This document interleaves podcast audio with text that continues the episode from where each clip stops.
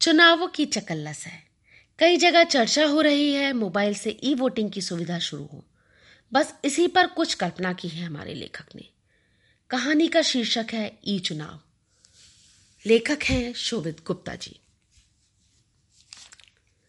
चुनावों का मौसम है और पूरे शहर में उम्मीदवारों के वादे, पोस्टर छाए हुए हैं। हर कोई वादे कर रहा है। कहीं पानी के वादे, कहीं बिजली के वादे। हर कोई मुफ़्त में चाँद तारे तक देने को तैयार है। बस एक वोट मिल जाए। सबको पता है, वोट पड़ने के बाद सब शांत हो जाना है।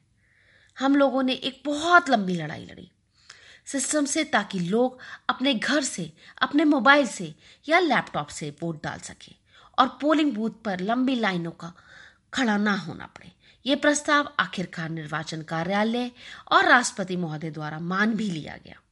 हालाँकि कुछ लोगों ने न्यायालय में जनहित याचिका डाली थी। इसके खिलाफ पर वो जज ने खारिज कर दी। कल वो मुबारक दिन है, जब पहली बार वोट घर बैठ के ही डल जाएगा। हर जगह खुशी का माहौल था। एक नई लहर दौड़ रही थी। कितना आसान होगा सब कुछ। आधार नंबर डालो, फिर मोबाइल में फिंगर सेंसर से चेक करवाओ और वोट डाल दो। बस हो गया। पाँच साल की लंबी लड़ाई आखिरकार कल अपना फल देगी। आज रात बहुत सुकून की नींद आएगी।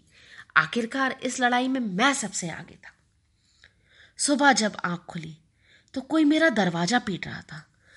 दरवाज़ा खोलते ही अचानक पाँच से छह लोग मेरे घर में घुस आए, जो ज़बरदस्ती घर से बाहर ले गए। बाहर का नज़ारा तो ऐसा लग रहा था कि मानो प्रलय ही आ गई हो। हर तरफ़ गुंडे ही गुंडे दिख रहे थे। यहाँ एक समय केवल उन्हीं का रास था ज़बरदस्ती वोट डलवाए जा रहे थे। मैंने निगाह बचा के देखा, फ़ोन में कोई सिग्नल आ रहा है या नहीं? शायद इन लोगों ने मोबाइल टावर बंद कर दिए थे, मोबाइल जैमर लगाए थे। इन हालातों में किसे बुलाऊं? क्या करूँ? कुछ समझ नहीं आ रहा था। हम सभी बुरी तरह फंस चुके थे। उन लोगों ने मुझे और मेरी बीवी दोनों से मोबाइल ऐप पर लॉगिन कराया। और हमसे मोबाइल छीन कर खुद ही बोल डाल दिए। कुछ समझ नहीं आ रहा था कि इस समय अपने परिवार को बचाऊं या वोट बचाऊं। अब जाके मुझे समझ आया कि पोलिंग बूथ जाने से कष्ट तो होता है, पर ज़्यादा सुरक्षित होते हैं तब हम।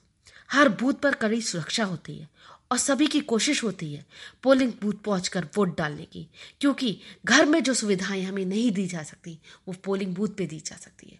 हमारी सुरक्षा सबसे ज़्यादा पोलिंग बूथ पर हो सकती है।